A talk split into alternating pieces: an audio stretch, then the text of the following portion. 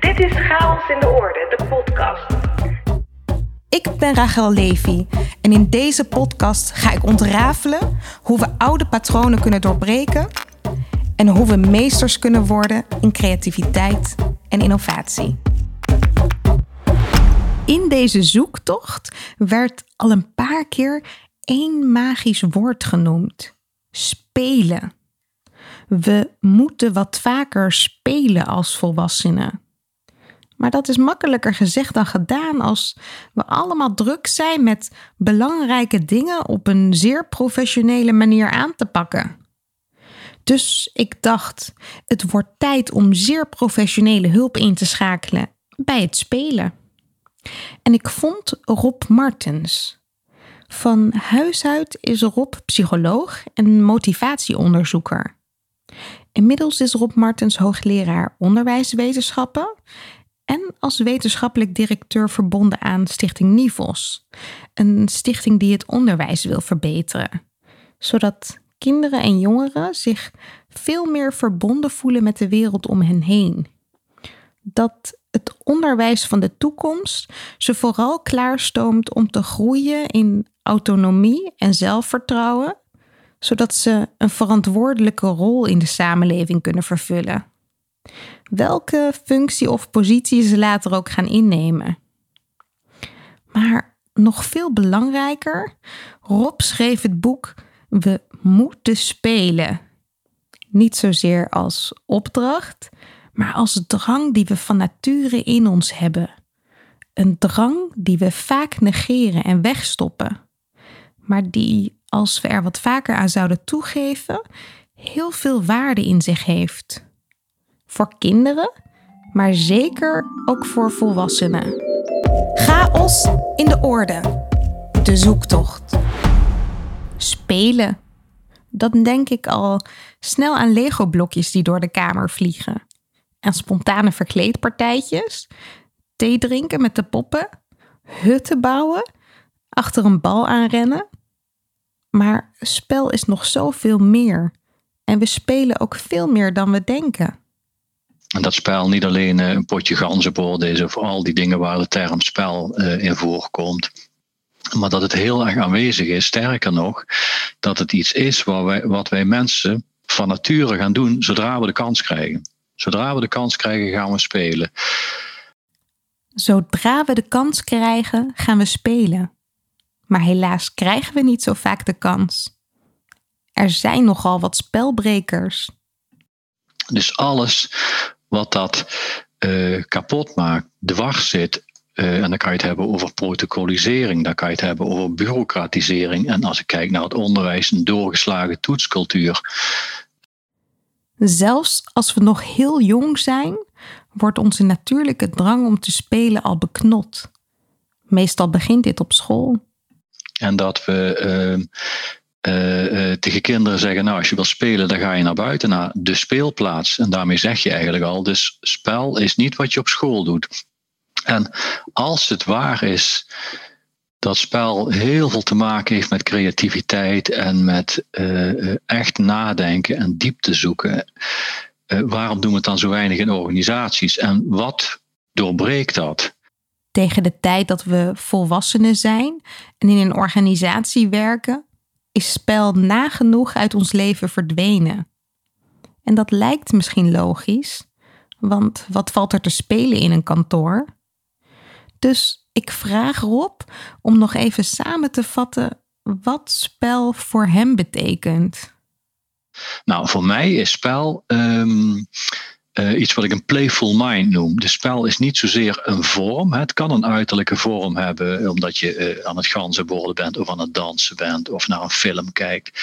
Maar het kan ook heel vaak een niet waarneembare vorm hebben. Iets, vooral bij mensen, iets wat in ons hoofd zit, omdat we dagdromen, omdat we een rijmpje bedenken, een liedje fluiten. Uh, dus, en, en sterker nog, uh, mensen die spelen zijn heel vaak bezig met inleven, met verbeelden.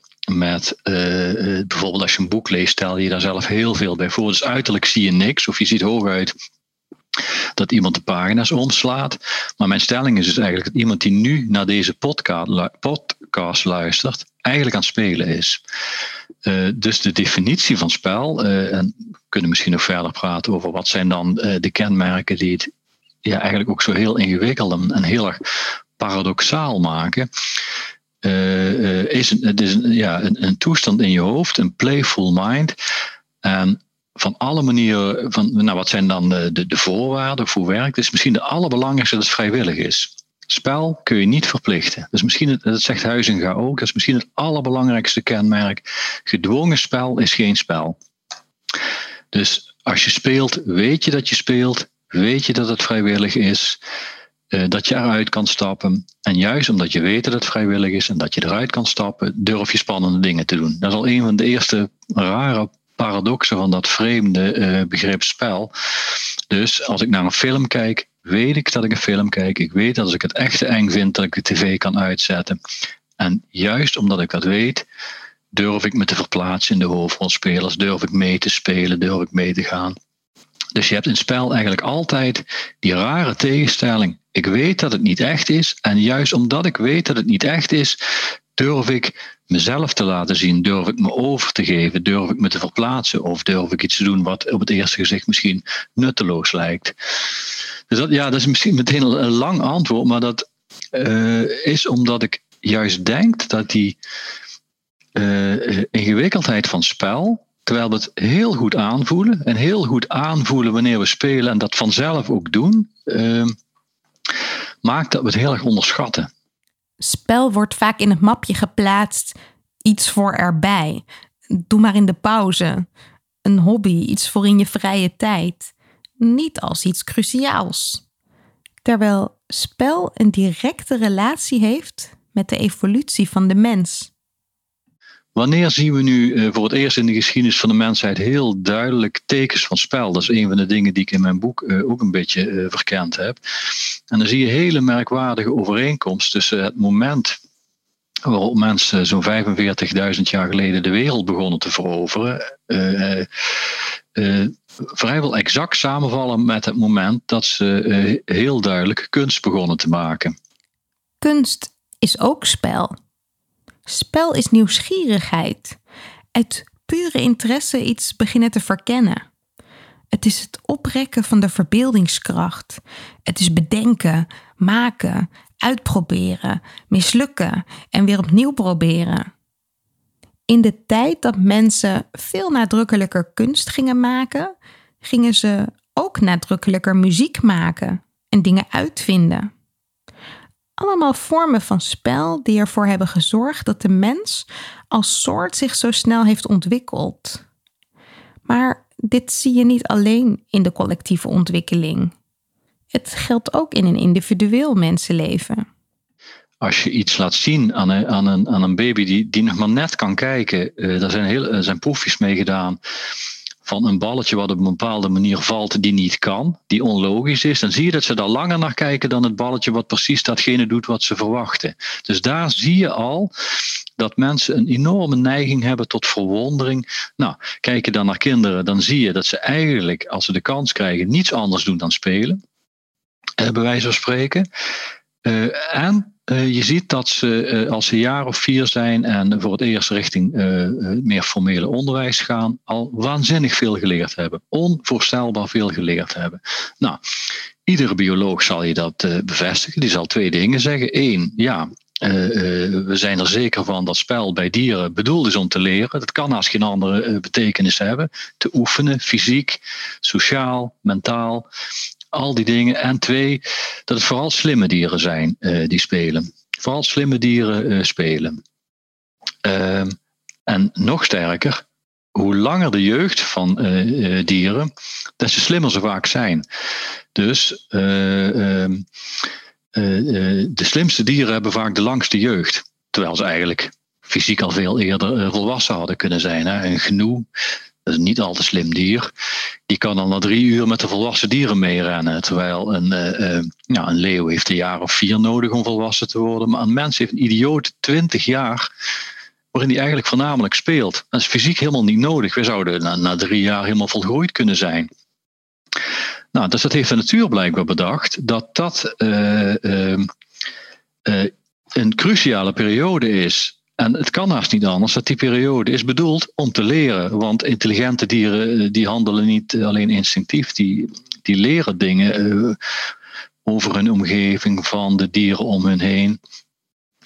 En blijkbaar zit dat dus enorm in ons mensen. Nou, dan gaan we iets verder kijken en dan kom je bij kinderen die ja, in het primair onderwijs terechtkomen.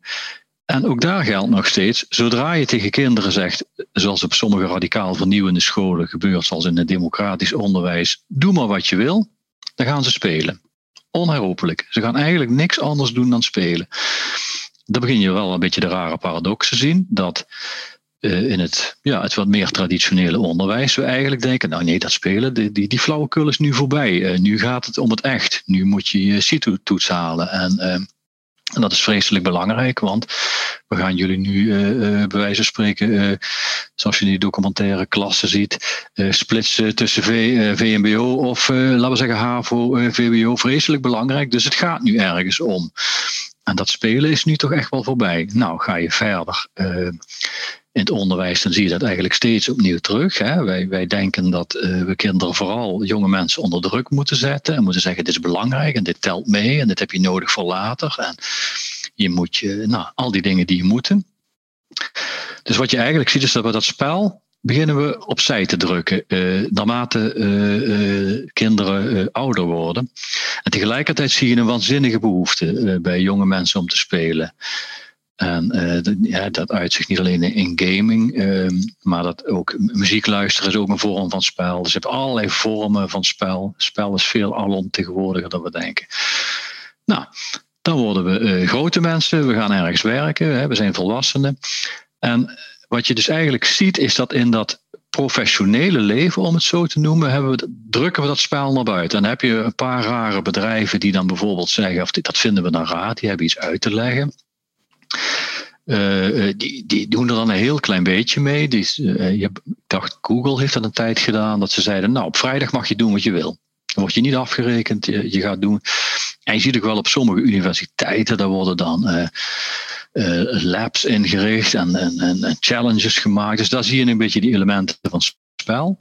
Maar wat je eigenlijk ziet is dat het weggedrukt wordt in in een soort rationeel economisch denken, daar past spel niet in. Want spel heeft de onhebbelijke eigenschap niet alleen dat het vrijwillig is, maar ook dat het buiten het spel nergens omgaat. Dat is een cruciaal onderdeel van spel. Dat je altijd weet, ik, ik probeer iets, ik verken iets, ik doe iets voor de grap, of ik verplaats me ergens in, of ik ga puur uit, als je uit nieuwsgierigheid iets onderzoekt, dan weet je per definitie niet wat je gaat vinden. Wij mensen zijn dus zo'n slimme ontwikkelde soort, omdat we eigenlijk heel lang spelen en leren via dat spel. Maar in onze huidige rationele economie is daar eigenlijk geen plek voor. Want je weet niet wat er uitkomt als je start met spelen. En organisaties willen veel liever bij de start van jouw activiteiten al een resultaat kunnen vaststellen. Er moet iets uitkomen. Dat is de constante druk die we ervaren. Dat maakt spel ook zo lastig te verantwoorden.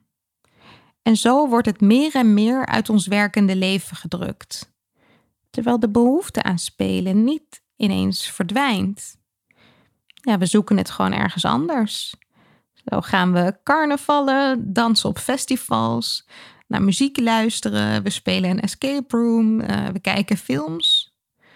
En over die verdrukking van spel, daar maakt Rob zich met een groeiende groep collega's zorgen over. Wat we dus doen is tegen kinderen zeggen: je bent hier niet om te spelen. Motivatiepsychologen zeggen dan: je intrinsieke motivatie is hier niet zo belangrijk. En dat is ook wat iedereen die lesgeeft herkent. Hè. Ik heb zelf ook veel les gegeven. Of je nou voor een student of een leerling staat in het eh, altijd heb je de dodelijke vraag: telt dit mee? Is het verplicht? En daarmee communiceer je eigenlijk: ik doe dit niet omdat ik het zelf wil weten. Ik doe het omdat het moet, omdat ik iets moet halen. Jij hebt iets bedacht, het curriculum heeft iets bedacht. Er staat iets, plan van toetsing en afsluiting. Al die termen die we daarvoor hebben, die hebben iets uh, bedacht. En wat ik, waar ik echt heel beducht voor ben, uh, is dat we met die enorm goede bedoelingen uh, die uh, interesse uitschakelen van mensen. En dat we daarmee echt een onvoorstelbare hoeveelheid talent aan het verspillen zijn. Uh, ik dacht dat als je ouder wordt, dan word je milder en dan uh, kijk je wat vriendelijker naar de dingen om je heen. Maar ik merk dat hoe meer ik bezig ben met me, die lange zoektocht die ik al heb naar motivatie, psychologie en, en, en naar spel, dat ik steeds bezorgder word over wat het eigenlijk betekent dat onze kinderen op de schoolbanken zitten met een houding van en een, een, diep gevoeld gevoel van het interesseert me eigenlijk niet. Ik, ik zit hier niet omdat ik het leuk vind, ik zit hier niet omdat ik hier iets leer wat mij antwoord geeft op de vragen die ik heb, die ik voel. Uh, de dingen waar ik iets over wil weten. Nee, ik zit hier omdat het moet.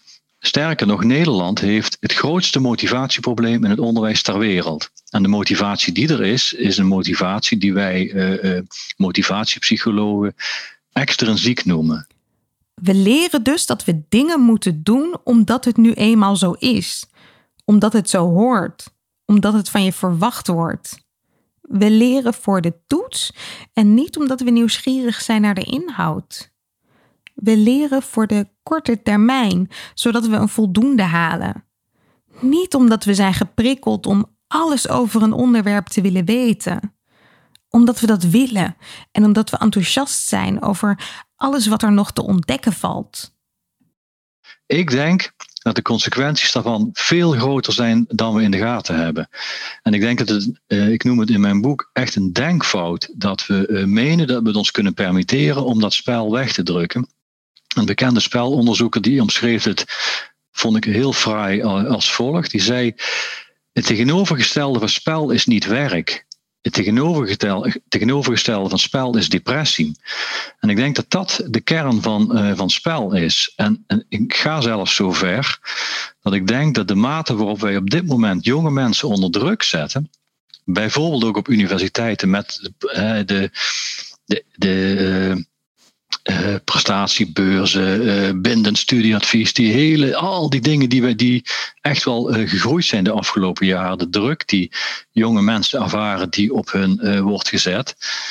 Ehm, ik denk dat dat schadelijk is. En ik denk dat dat ertoe leidt dat je vervreemdt van jezelf. En eigenlijk niet meer goed weet wat je zelf eigenlijk wil. Omdat je heel erg je erop gaat toeleggen om datgene te doen wat anderen zeggen dat je moet doen. En, uh, um, uh, en je daarmee eigenlijk niet alleen de ruimte ontneemt om erachter te komen wie je echt bent of wie je wil zijn, maar nog harder geformuleerd, dat je eigenlijk ook niet de kans krijgt om te laten zien wie je echt bent. Dus dat je niet gezien wordt. ik weet dat dat heel extreem klinkt en mensen die misschien nooit hebben nagedacht over wat spel eigenlijk is en wat het betekent voor ons mensen, welke rol het heeft. In spel ontwikkel je de kans om jezelf te laten zien, om te experimenteren met iets van jezelf of iets te proberen wat je normaal misschien verborgen houdt of wat je niet echt exploreert. Het verlegen meisje wat nooit iets durft te zeggen en plotseling op het toneel een hele andere kant uh, durft te laten zien. Als we dat steeds wegdrukken, en, en, en, en zeggen, ja, maar dat is niet belangrijk, dat telt niet mee, of dat is hooguit voor het eindwerkstuk en verder is het niet, uh, is het niet belangrijk. Dan ben ik bang dat we eigenlijk wegdrukken wie mensen echt zijn. En ik denk dat dat een probleem uh, van deze tijd is. We drukken niet alleen spel weg, we drukken de mogelijkheid weg om te ontdekken wie we echt zijn. Misschien is dat wat ik zo vaak zie in organisaties. We doen allemaal hetzelfde. We passen ons voortdurend aan. En als we een verlangen hebben om het anders te doen, om een grotere impact te hebben, is dat meestal heimelijk. Want zodra je je nek uitsteekt, schiet je omgeving in de kramp. Zou je dat nou wel doen? Het is toch belangrijk om te kiezen voor zekerheid? Je weet nu tenminste waar je aan toe bent. En daarmee onderdrukken we volgens Rob dus talent en creativiteit, terwijl die voor organisaties juist enorm belangrijk zijn. Als we dat allemaal wegdrukken en mensen zien als economische eenheden die zouden handelen naar economische wetten, uh, wat je in, in, in, uh, in een. Ja, sorry voor mijn harde woorden. Ik, ik vind het een, een, een autistiform mensbeeld dat je, je niet, dat je zou denken dat eh, mensen eh, alleen maar op aarde zijn ehm, om te luisteren naar straf en beloning. Of uh, de, de, alleen maar handelen uit economische motieven. De intrinsieke wil van mensen wordt als het ware ontkend. In het onderwijs en daarna.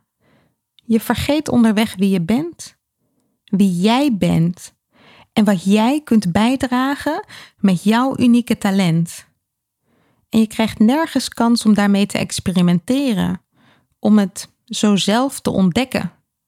Ik denk dat we een hele grote denkfout hebben gemaakt door die, wat ik dan maar noem, intrinsieke motief of intrinsieke motivatie, die ik behoorlijk gelijk stel uh, aan spel. Door dat zo aan de kant te schuiven in ons leven, zo als irrelevant weg te zetten, dat we daarmee eigenlijk uh, ja, een beetje vergeten zijn wie we zijn en dat we uh, daar een prijs voor betalen. Een prijs van tweedeling, een prijs van, uh, wat ik echt chockerend vind, heel veel jonge mensen, als je vraagt, wat, wil je nu eigenlijk zelf? Wie, wie wil je zijn? Dan, dan kijken ze vaak glazen en zeggen, ik heb eigenlijk geen idee. Ik heb nooit daarover kunnen nadenken, want ik doe eigenlijk altijd wat me verteld wordt dat ik moet doen. En die ruimte om zelf uh, aan te klooien, die bijvoorbeeld wel uh, jongvolwassenen nogal eens bijna opeisen, dat te zeggen, en nu ga ik een wereldreis maken. Nu wil ik echt even zelf ontdekken wie ik ben en zelf verantwoordelijk zijn en zelf fouten kunnen maken en zelf met mijn kop tegen de muur lopen. Um, ja, die, die ruimte hebben we dringend meer nodig. We maken een denkfout. En zo voelt het denk ik voor veel mensen ook. En die denkfout die verstoort dus onze intrinsieke motivatie. Misschien wel de belangrijkste reden dat er zoveel sprake is van depressie en burn-out onder jongeren, maar ook burn-out en bore-out onder volwassenen. Ze krijgen onvoldoende ruimte, onvoldoende lucht zelfs. En als zelfdeterminatiepsychologen kijken naar hoe we die intrinsieke motivatie verstoren, hebben we direct de spelbrekers te pakken waarop in zijn boek over schrijft. Mensen zijn van nature intrinsiek gemotiveerd. Hè, dus in die, in die uh, playful modus, nieuwsgierig, verkennend, samenwerkend, noem maar op.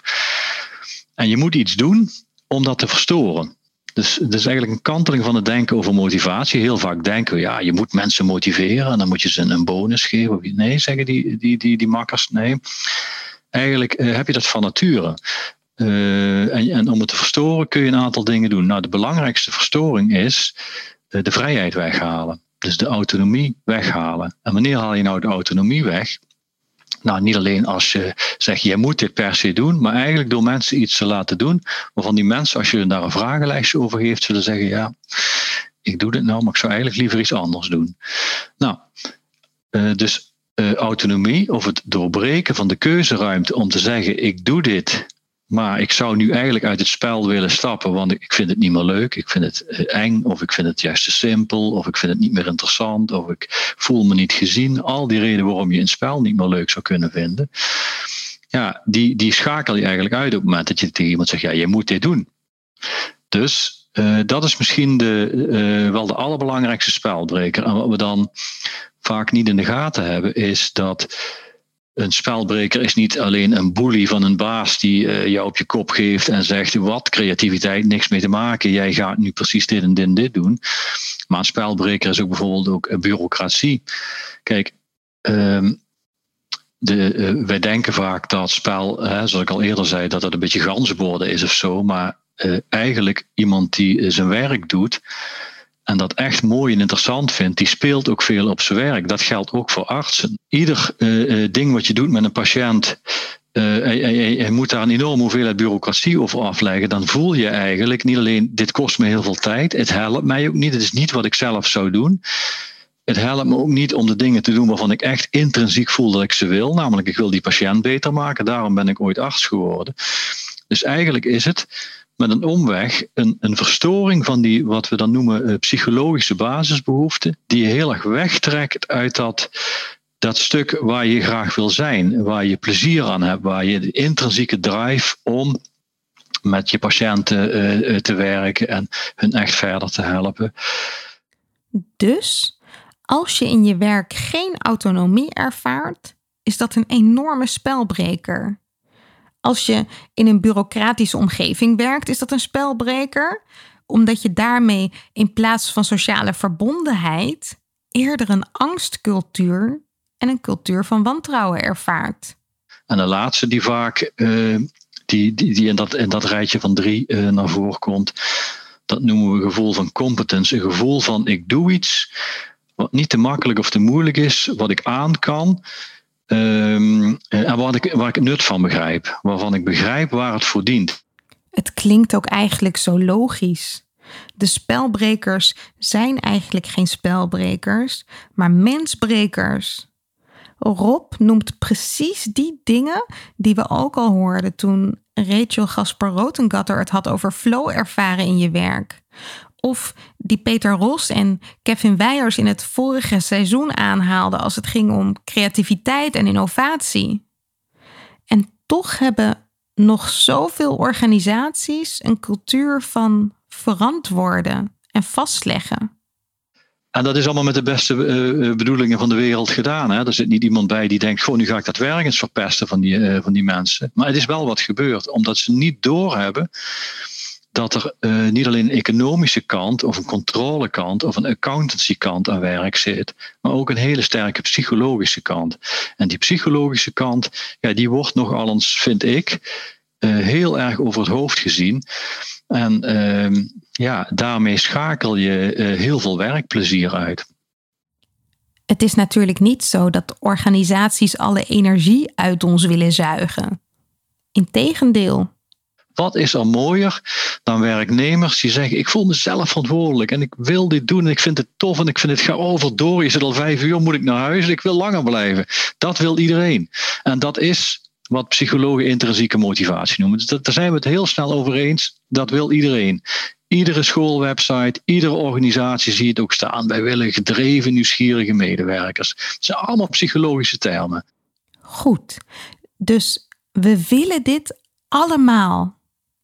Maar dan naar de droeve werkelijkheid. Uh, en ik vergelijk dat heel vaak als er een, een, uh, een platgereden eend. Hè. Je, je wil er niet naar kijken en toch moet je er naar kijken. Met die blik kijk ik heel vaak, uh, dat durf ik hier wel te zeggen in de beslotenheid van de podcast, kijk ik naar organisaties en denk ik, oh god, jullie doen alles verkeerd met die psychologische of die spelblik, die blik van intrinsieke motivatie, die je maar verkeerd kan doen. Ik zou haast zeggen, het, het, zijn vaak bijna beginnersfouten. Wat je dus bijvoorbeeld ziet in heel veel, uh, laat ik het maar even noemen, uh, uh, uitvoeringsorganisaties. Ik zal geen namen noemen, maar bij een aantal heb ik wel een, een, kijkje in de keuken kunnen hebben. Is die hiërarchische angstcultuur die er is. Die we heel moeilijk vinden om los te laten. Want de essentie van dat van dat spel, lees intrinsieke motivatie, is dat je het vertrouwen hebt, het vertrouwen hebt dat de mensen die het echte werk doen, noem ik dat altijd. Dat vinden ze dan niet leuk bij de bureaucratie en de ondersteunende afdelingen, als ik het zo noem, maar zo noem ik het. De mensen die het echte werk doen, of dat nou in de, in de thuiszorg is, of het wetenschappelijk personeel van een universiteit, dat zijn degenen die het echte werk doen. En wat die nodig hebben, waarin die floreren, is een cultuur van vertrouwen. En dat klinkt heel makkelijk, maar er is niks zo moeilijk als een cultuur van vertrouwen krijgen. Want dat betekent loslaten. En dat betekent dat er, je hebt altijd ook mensen uh, die de boel verstieren, die inderdaad misbruik maken van het moment waarop jij zegt: Oké, je hoeft je vakantiedagen niet meer bij te houden. Hè. ik ken een organisatie die heeft een gemeente die experimenteerde ermee. Zei: Weet je wat, we schaffen het gewoon af. Je hoeft het niet meer bij te houden, je vakantiedagen. Je komt als het uitkomt. En als het niet uitkomt, overleg je met je collega's. Nou, dan, als ik dit zo zeg, dan denkt iedereen: Oh, bedoel je dat met spel? Ja, maar dat is de bedoeling niet. Dat kan toch niet? Nee, dat gaat mis. Terwijl uh, het punt is, heel vaak gaat dat helemaal niet mis. Dat gebrek aan vertrouwen nekt ons. Door alles maar te controleren, ontstaat er veel minder vernieuwing dan mogelijk zou zijn als we allemaal wat meer onze nieuwsgierigheid mochten volgen. En de organisatieparadox is dus ook de spelparadox. Het paradoxale van dat spel is dat dat eigenlijk vanzelf gaat, in ons zit. En je hoeft er eigenlijk alleen maar op te vertrouwen. En tegelijkertijd is dat heel erg moeilijk en eng. En, en nou ja, en zodra je ook begint om het concreet te maken, dus bijvoorbeeld stel dat hè, wat het voorbeeld wat ik gaf, dat je zegt, nou, je hoeft je vakantiedagen niet meer bij te houden. Je overlegt gewoon met je collega's wanneer je er wel bent. Dan, dan, raakt iedereen in paniek. Dan denk je, ja, maar dat kan niet. En uh, dat, dit leidt tot misbruik. En dan heb je mensen die zien me nooit meer. Hè, al die dingen. Dus, we willen spelen. We kunnen spelen. Maar als we plotseling ruimte krijgen waar we niet aan gewend zijn, dan raken we in paniek. Het is precies het gesprek dat ik in organisaties heb. Medewerkers roepen vaak: kreeg ik maar wat meer ruimte om te spelen? Terwijl directies zeggen: maar we geven heel veel ruimte. Medewerkers pakken hem alleen niet. Dus die angst, angst is een van de belangrijkste uh, redenen om niet meer te spelen. Als ik dit hoor, zoek ik toch naar een sprankje hoop hoe kunnen we nu toch een grote draai maken in onze manier van leven en werken? Zodat we wel onszelf kunnen zijn, wel ons talent kunnen ontdekken en daarin kunnen groeien. Wel kunnen spelen en experimenteren, zodat we veel vaker tot creativiteit en innovatie komen. Het is eigenlijk vooral blokkades weghalen en vertrouwen geven. En dat, dat klinkt heel makkelijk, maar je zou dus moeten uh, beginnen om uh, uh, ja, ik, ik zeg het toch maar weer even hard. Je hebt meestal in organisaties een aantal rotte appels die het echt verstoren. Um, dat, dat klinkt heel vervelend wat ik zeg. Maar um, je, je moet als je gaat denken in termen van, nou, de meeste mensen willen dit echt. Of je nou in de thuiszorg bent, of je zit in het onderwijs, of je zit bij een uitvoeringsorganisatie, of waar dan ook. je bent ooit met reden leraar geworden. En als ik er nou eens van uitga dat jij gewoon echt probeert daar het beste van te maken. En dat ik jou niet exact ga zeggen hoe je het moet gaan doen. Of welke onderwijsfilosofie hebt aan te hangen. Maar dat ik jou en je team het vertrouwen geef.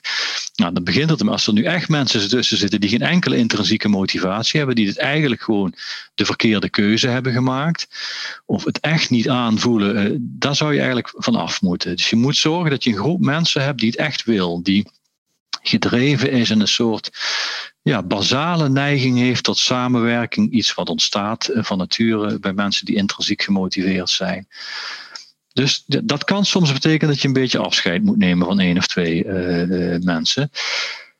En dan is het vooral een kwestie van, uh, van vertrouwen geven. En wat ik bijvoorbeeld doe als ik, eh, ik word nogal eens gevraagd om ook op universiteiten lezingen te geven aan studenten. Die leg ik uit wat intrinsieke motivatie is. Een grapje wat ik vaak uithaal, maar wat ook spannend is. Dan zeg ik tegen ze, joh, zometeen is de pauze. Dan kan je koffie gaan halen. Als je het niet interessant vindt, kom je niet meer terug. Ja, maar wanneer dit is verplicht en dan zijn er net aanwezigheidslijsten rondgegaan. Ik zeg, ik, ik vul wel je naam in op de aanwezigheidslijst, maak je geen zorgen. Als je het niet interessant vindt, hoef je niet terug te komen.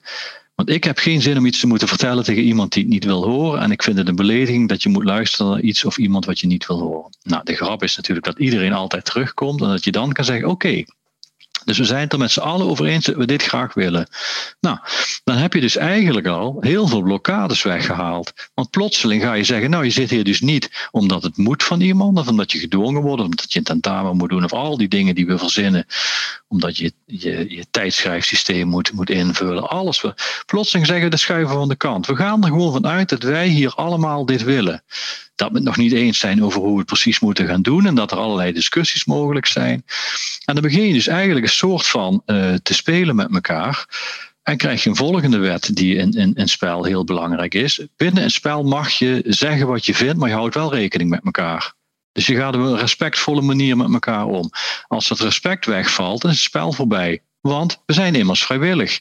Dus als je uh, met, met twintig mensen, je vormt een team docenten en er zit er één bij die zegt, ja, maar jullie luisteren nooit naar mij en uh, jullie zijn daar bezig met een of andere onderwijsvorm en ik zie dat helemaal niet zitten.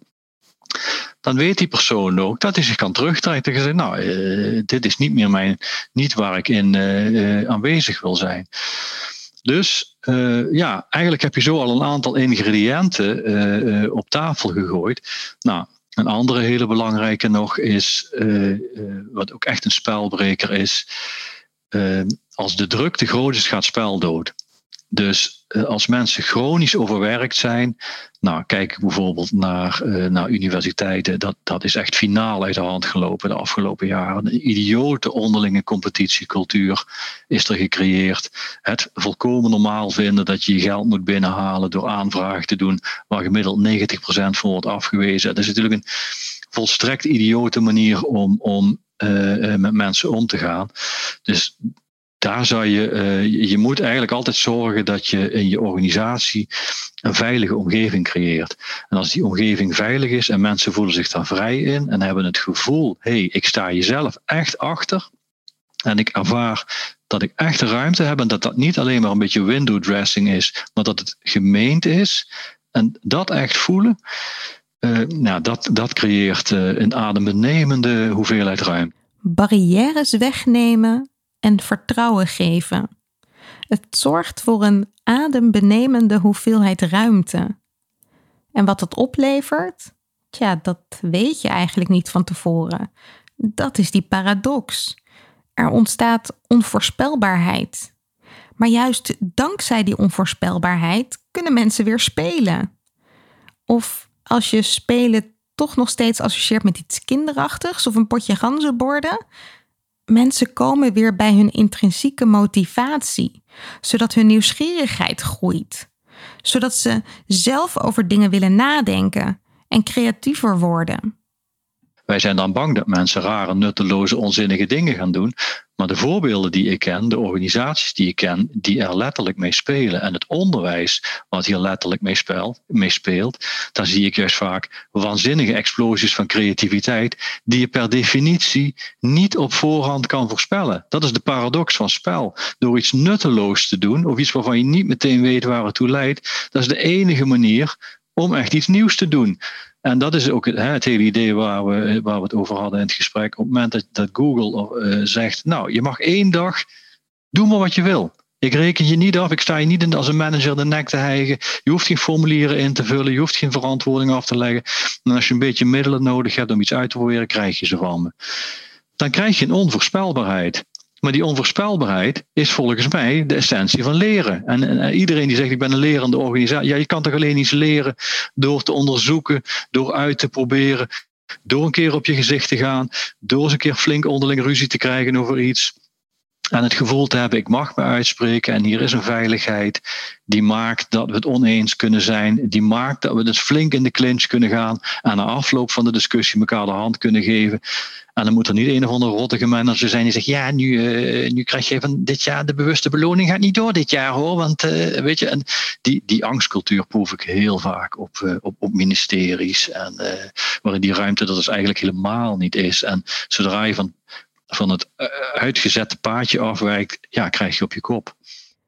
Terwijl ik naar Rob luister, zie ik al die organisaties voorbij komen die zichzelf een lerende organisatie noemen. En toch bol staan van spelbrekers. Een lerende organisatie zou dus eigenlijk moeten werken aan het spelende vermogen, aan creativiteit. En als je organisatie het niet doet, doe het dan zelf. Want door zelf barrières weg te nemen en te vertrouwen, creëer jij op kleine schaal in je eigen team een nieuw soort cultuur. Nou, de, de allerbelangrijkste manier is uh, je ervan bewust worden en uh, je angst overboord zetten. Um, vorig jaar heeft het ministerie van eh, OCW, die hebben een, een, notitie gemaakt en die kwam er eigenlijk op neer, joh, er zijn veel minder regeltjes dan je denkt. Er mag veel meer dan je denkt. Je hebt ook jezelf uh, in een kooitje gezet en het deurtje dicht gedaan, de sleutel weggegooid. Van ons hoeft dat niet. De onderwijsinspectie, die in het onderwijs vaak de kop voor jullie is en te horen krijgt, ligt allemaal aan jullie en... Uh, jullie met je mede- en angstcultuur. En voor een stukje is dat misschien ook wel zo. Maar ook de inspectie zegt, joh, we hebben echt veel ruimer toetsingskaders. Je hebt, jij zit in een hokje en je hebt zelf de sleutel weggegooid. Dus stap 1 zou zijn, durf het nou eens aan om uh, ervan uit te gaan dat je meer ruimte hebt. Durf naar je gevoel te luisteren. Ja, kom bij wie je zelf bent. Neem zelf verantwoordelijkheid voor de organisatiecultuur waar je in werkt. Ik zeg het vaak. Wil jij verandering zien, dan moet je zelf die verandering zijn. Je moet zelf iets anders doen. Het, het protocol uh, uh, verlaten en uh, het onbekende ingaan. En iets het aandurven om iets te beginnen waarvan je op voorhand niet weet wat eruit komt. En iets uitproberen en daar de ruimte voor krijgen. En dat betekent dat je ja, daar een beetje opstandig in moet zijn. En uh, uh, ook moet vertrouwen in je, in je gevoel daarin. En uh, een begrip als intrinsieke motivatie gaat ook heel erg uit van ja, vertrouwen op je eigen gevoel en daarvan uitgaan. En wij denken heel vaak, nou, als mensen mogen doen wat ze willen, dan worden dus een soort hedonistische, redeloze wezens die alleen maar het eigen plezier maximaliseren.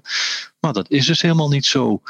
Eh, de meeste mensen die eh, in het onderwijs werken of eh, eigenlijk die overal waar ze werken, als het goed is, doen ze iets wat ze echt leuk vinden en de moeite waard vinden. Nou, durf dat nou eens aan jezelf toe te geven en durf je ook eens kritisch de vraag te stellen. En die vraag hebben denk ik ook veel mensen zich ook in coronatijd wel gesteld. Toen ze vaak wat, letterlijk wat verder van het werk afkwamen te staan. Wat geeft mij nou echt energie?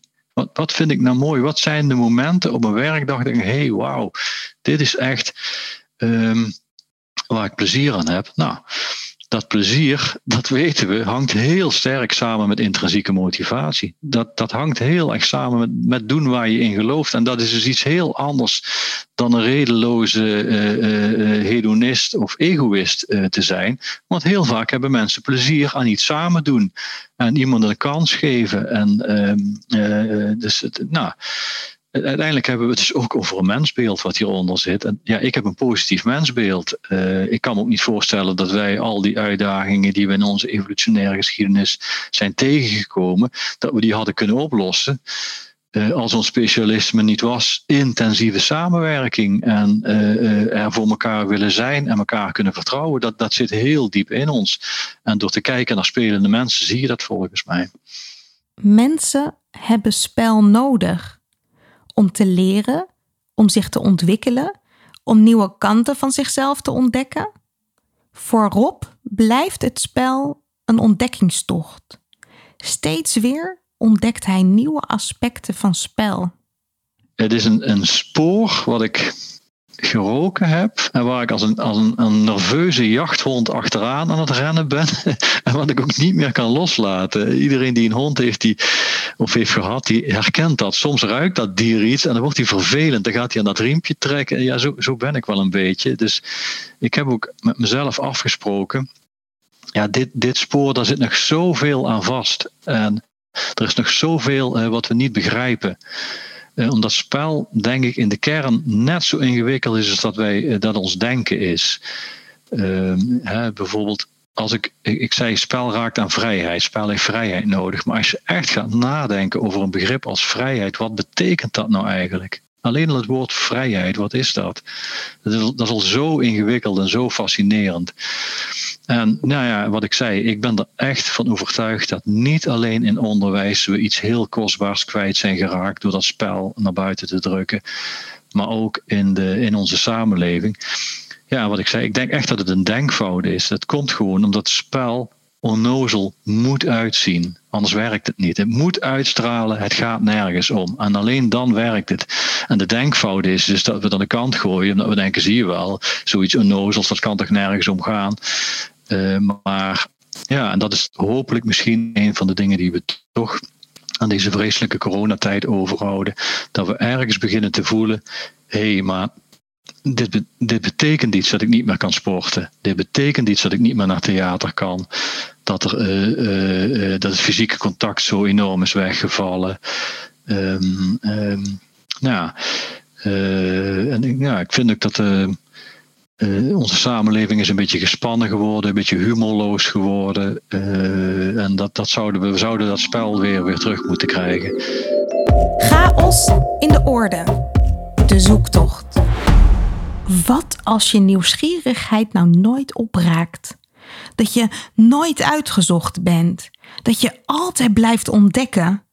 Hoeveel waarde voeg je dan wel niet toe? Tot hoeveel vernieuwende inzichten kom je dan? Gewoon vanuit je speelse verwondering. In het gesprek met Rob viel me vooral zijn enorme nieuwsgierigheid en passie op, waarmee hij steeds blijft onderzoeken op welke manieren spel bij ons hoort, van jongs af aan, en wat we kunnen doen om ons lerend vermogen door te spelen niet zo snel dood te slaan als we dat nu doen. Door onze drang om ons zoveel mogelijk te richten op meetbare activiteiten, of dat nu op school is of in ons werk. Ik realiseerde me ook dat ik zelf nog veel meer zou mogen lummelen. Gewoon dingen doen of dingen maken zonder direct een doel voor ogen te hebben. Ik weet hoe frutsen en vreubelen me in een bepaalde flow brengt, waarin ik vanzelf weer tot nieuwe ideeën en inzichten kom. Maar ook ik ben stiekem toch vaak heel serieus bezig. Mijn bedrijf is snel gegroeid en ongemerkt is daardoor ook mijn eigen rol veranderd, waardoor ik toch vaker achter een computer zit dan me lief is. En hier wil ik de komende tijd wat vaker van loskomen. Te beginnen met een Google-dag. Een dag waarop mijn agenda leeg blijft. Ik mag het helemaal zelf weten. Zonder doel, zonder resultaat. Zonder dat ik weet of en wat het me brengt. En hoe ga jij meer spel in je leven brengen? Creativiteit, innovatie. Het lijkt omgeven door een mysterieuze mist. Een geheim voor briljante breinen en getalenteerde kunstenaars. En toch, het moet toch voor iedereen toegankelijk zijn? Aflevering voor aflevering graaf ik steeds een stukje dieper. Ben jij enthousiast? Abonneer je dan op deze podcast en laat een review achter in de app waarmee je luistert. Hoe meer reviews we ontvangen, hoe meer mensen deze podcast kunnen vinden. Zo zorgen we samen voor meer chaos in de orde. Wil jij zelf chaos in de orde brengen? Download dan gratis het e-book Chaos. 10 manieren om patronen te doorbreken. Je vindt het op chaosindeorde.nl/slash podcast. Deze podcast wordt je aangeboden door Huis van Verbeelding, het bedrijf voor zakelijke creativiteit. Tot de volgende keer en veel chaos!